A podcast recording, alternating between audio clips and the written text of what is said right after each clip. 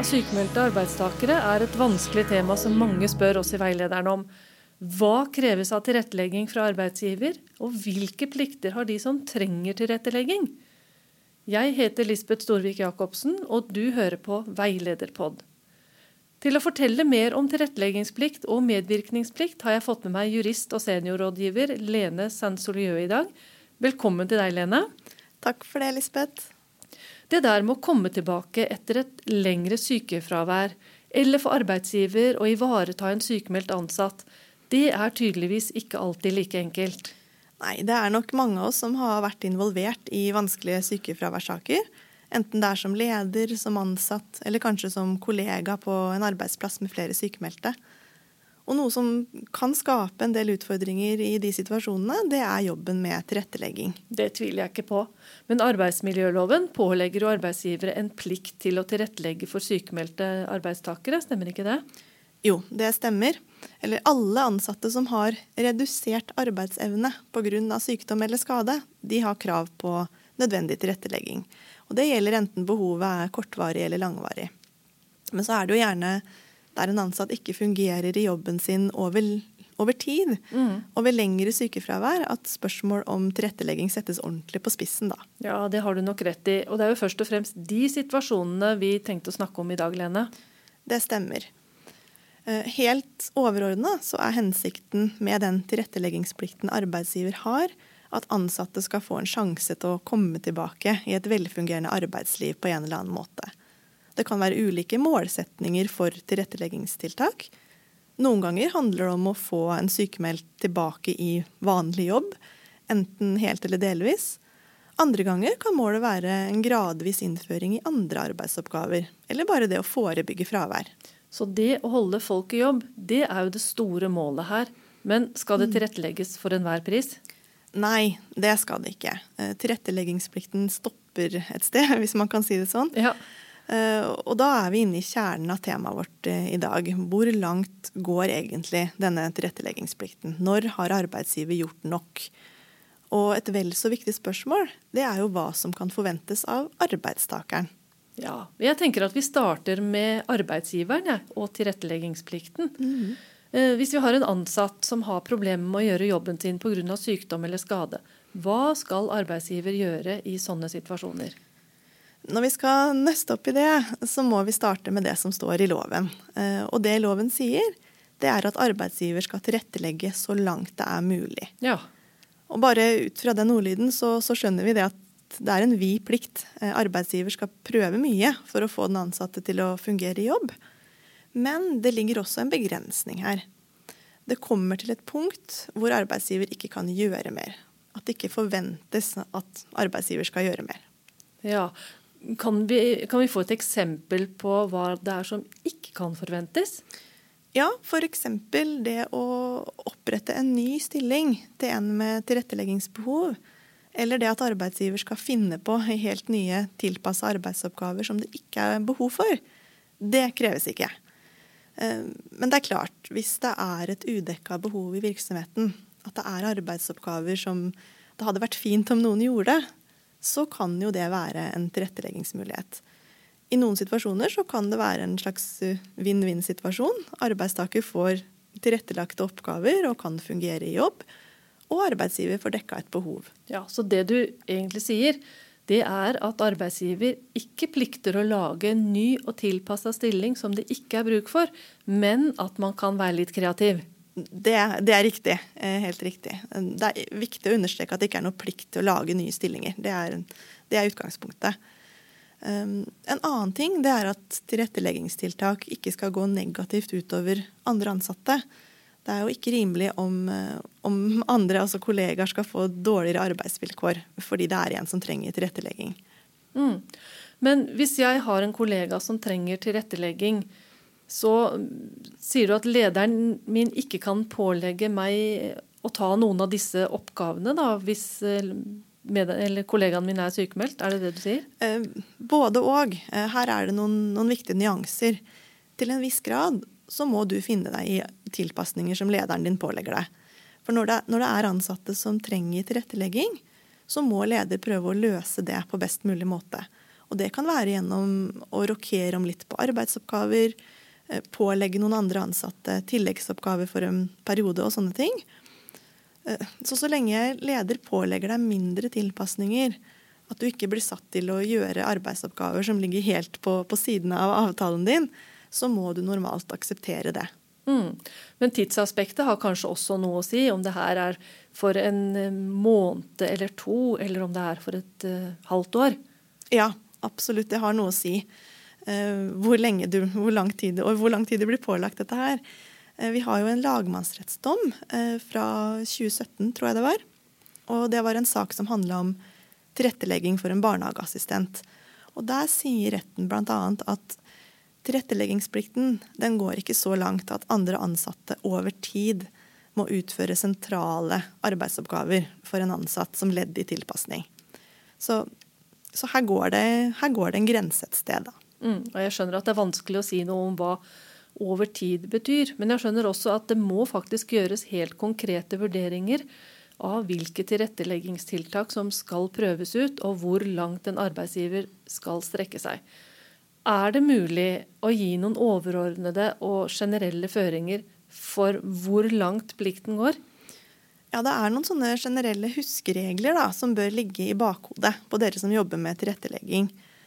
Og Det ene er at jo større virksomheten er, og jo bedre økonomi, desto mer kreves det av tilrettelegging. Det henger selvfølgelig sammen med at da vil det være flere muligheter, flere alternativer. Ja, akkurat. Og, og, til dere som er ledere i kommunene, eh, husk at det må letes etter tilretteleggingsmuligheter i hele kommunen. Eh, det holder ikke at man har prøvd å tilrettelegge i den avdelingen eller den virksomheten som arbeidstakeren jobber i. Det er hele kommunen som er arbeidsgiver og som har ansvaret. Og akkurat det samme vil jo gjelde eh, fylkeskommunene. Ja, det var en viktig presisering. Så satt på spissen sier du at en ansatt i f.eks. en barnehage kan få tilbud om omplassering hvor som helst eh, i kommunens eller ved kommunens arbeidsplasser? Ja, når kommunen er arbeidsgiver, så skal det vurderes muligheter i hele kommunen. Også på tvers av sektorer, hvis det blir nødvendig. Ehm, men den ansatte må være skikka og kvalifisert for den stillingen det dreier seg om. Så det, er jo klart at det blir noen naturlige avgrensninger her uh, uansett. Mm. Uh, som ufaglært assistent i barnehagen, så har du ikke rett på omplassering til en helsefagarbeiderstilling, f.eks. Nei, det skjønner jeg. Men er det sånn at arbeidsgiver må tilby videreutdanning i forbindelse med en tilrettelegging? Nei, så langt går ikke plikten.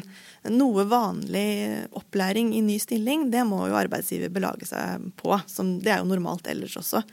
Eh, men den ansatte må i utgangspunktet være kvalifisert for stillingen. Ja, har du flere huskeregler da? Ja, altså det er flere ting av betydning. Og én ting kan jo være lengden på sykefraværet.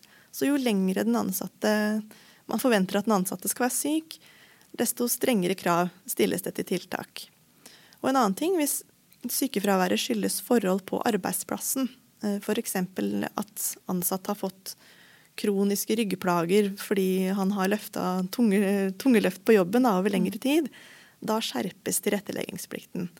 Det er ikke sånn, for å presisere det, det er ikke sånn at sykdom eller skade må være arbeidsrelatert for at arbeidsgiver skal ha en tilretteleggingsplikt. Men du har et ekstra ansvar for den ansatte når det er jobben som er skyld i sykefraværet. Akkurat. Men er det noen helseplager hos ansatte som det er vanskeligere å tilrettelegge for enn andre, tenker du? Eh, for det første, arbeidsgiver skal jo prøve å tilrettelegge uansett hva som er grunnen til sykefraværet. Eh, loven skiller ikke mellom forskjellige typer helseplager. Så her stilles det krav til arbeidsgiver om å da prøve ulike tilnærminger eh, mm. basert på om arbeidstakeren sliter fysisk, eh, kanskje har psykiske utfordringer, eller hva det måtte være. Men det er klart at det betyr noe hvor sammensatte helseplagene til arbeidstaker er.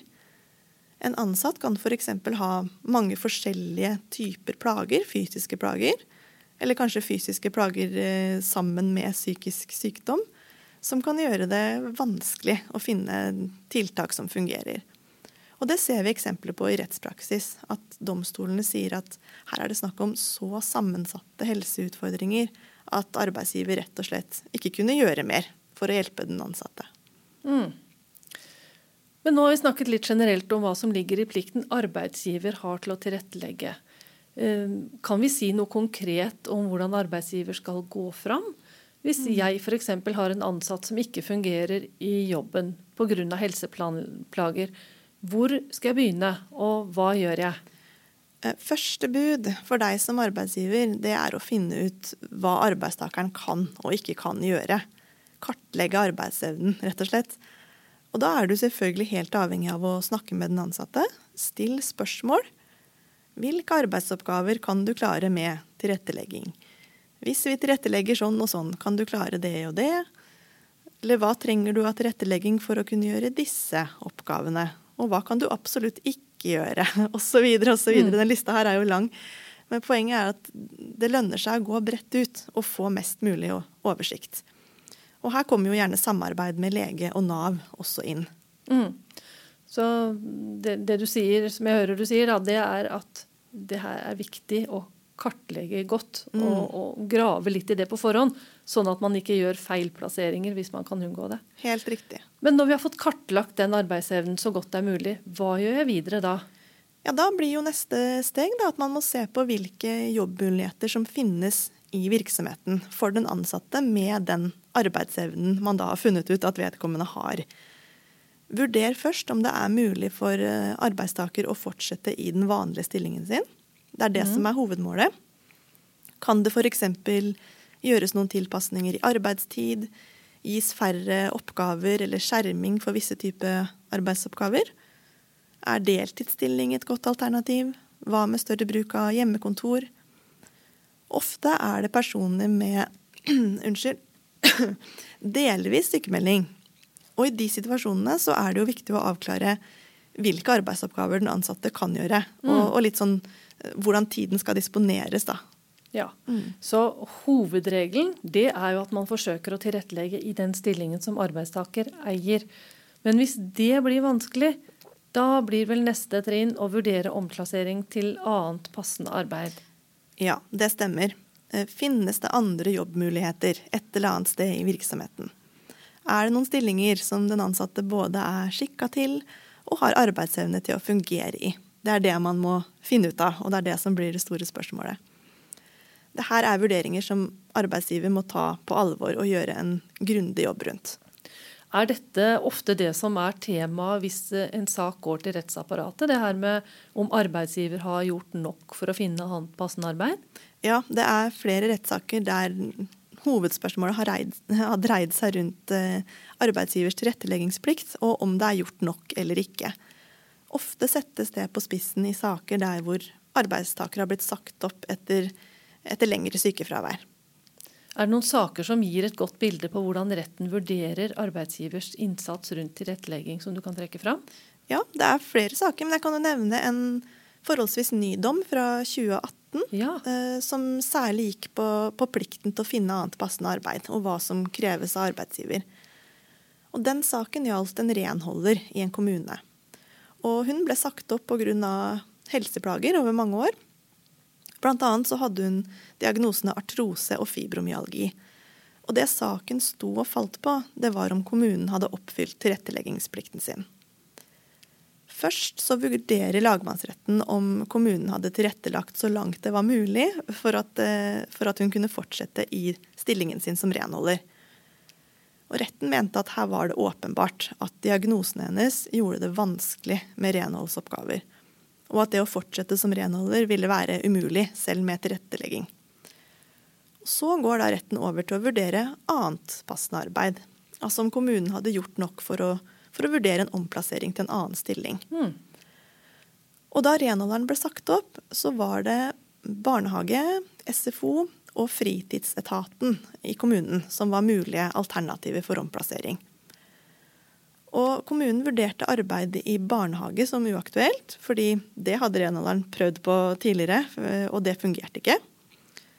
Fritidsetaten det ble også vurdert som uaktuell. Og det var fordi her var det ikke, var det ikke ledig stilling som ufaglært. Her krevdes det, her krevdes det utdanning eh, som denne personen ikke hadde. Og så vurderte ikke kommunen alternativet i SFO noe nærmere. Fordi arbeid i SFO det ble av kommunen ansett som identisk med arbeid i barnehage. Ja.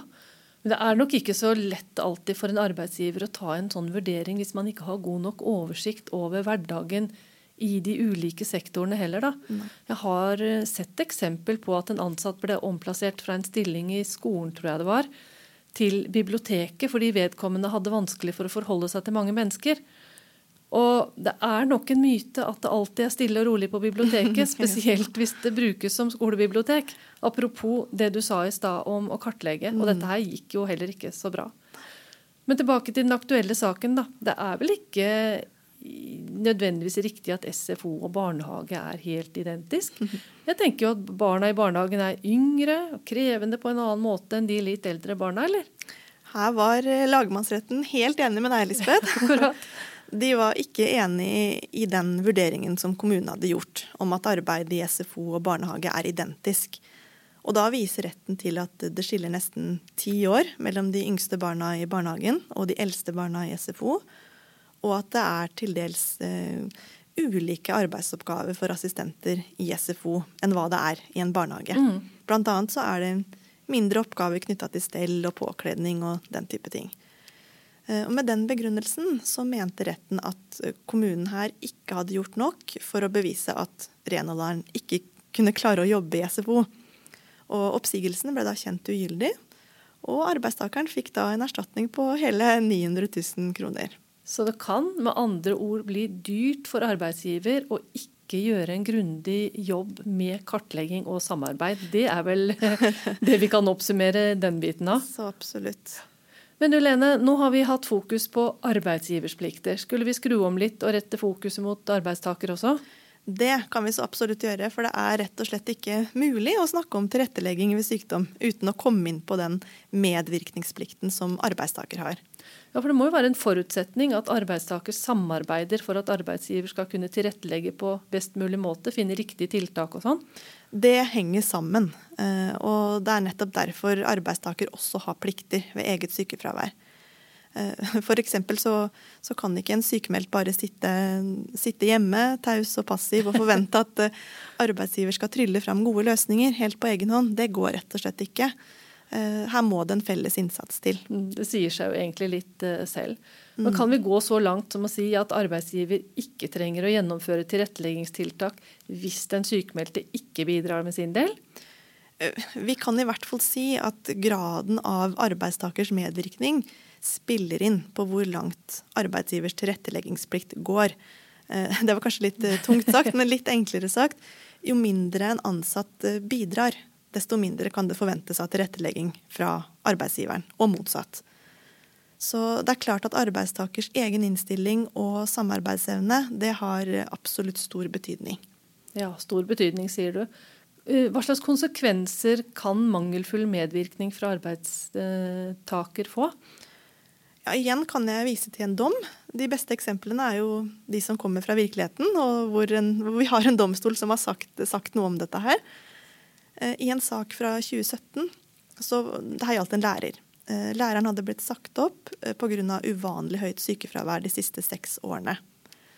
Og Lagmannsretten kom til at oppsigelsen var saklig, og det ble lagt stor vekt på lærerens mangelfulle medvirkning. Kommunen hadde over lang tid prøvd ut veldig mye for at læreren skulle fungere i stillingen sin. Men læreren hadde ofte en negativ innstilling til alle de initiativene og forslagene som skolen kom med. Og hun nekta bl.a. Å, å prøve gradert sykemelding. Læreren bidro heller ikke nok med tilrettelegging for vikarer som skulle inn i hennes fravær alle de gangene hun var borte. Og det var flere møter hun ikke dukka opp på. Og læreren hadde også mange negative beskrivelser av arbeidsmiljøet. Men det klarte ikke retten å finne noen, noen objektive holdepunkter for at det faktisk var et dårlig arbeidsmiljø, sånn som hun sa. Og retten mente derfor at læreren ikke hadde oppfylt medvirkningsplikten sin. Så her ser vi altså at en ansatt ikke kom noen vei med at kommunen ikke hadde gjort nok, fordi at det var arbeidstakeren selv som hadde vært dårlig på å medvirke, da. Ja, hun bidro ikke, til å, til å, hun bidro ikke nok til å finne de gode løsningene.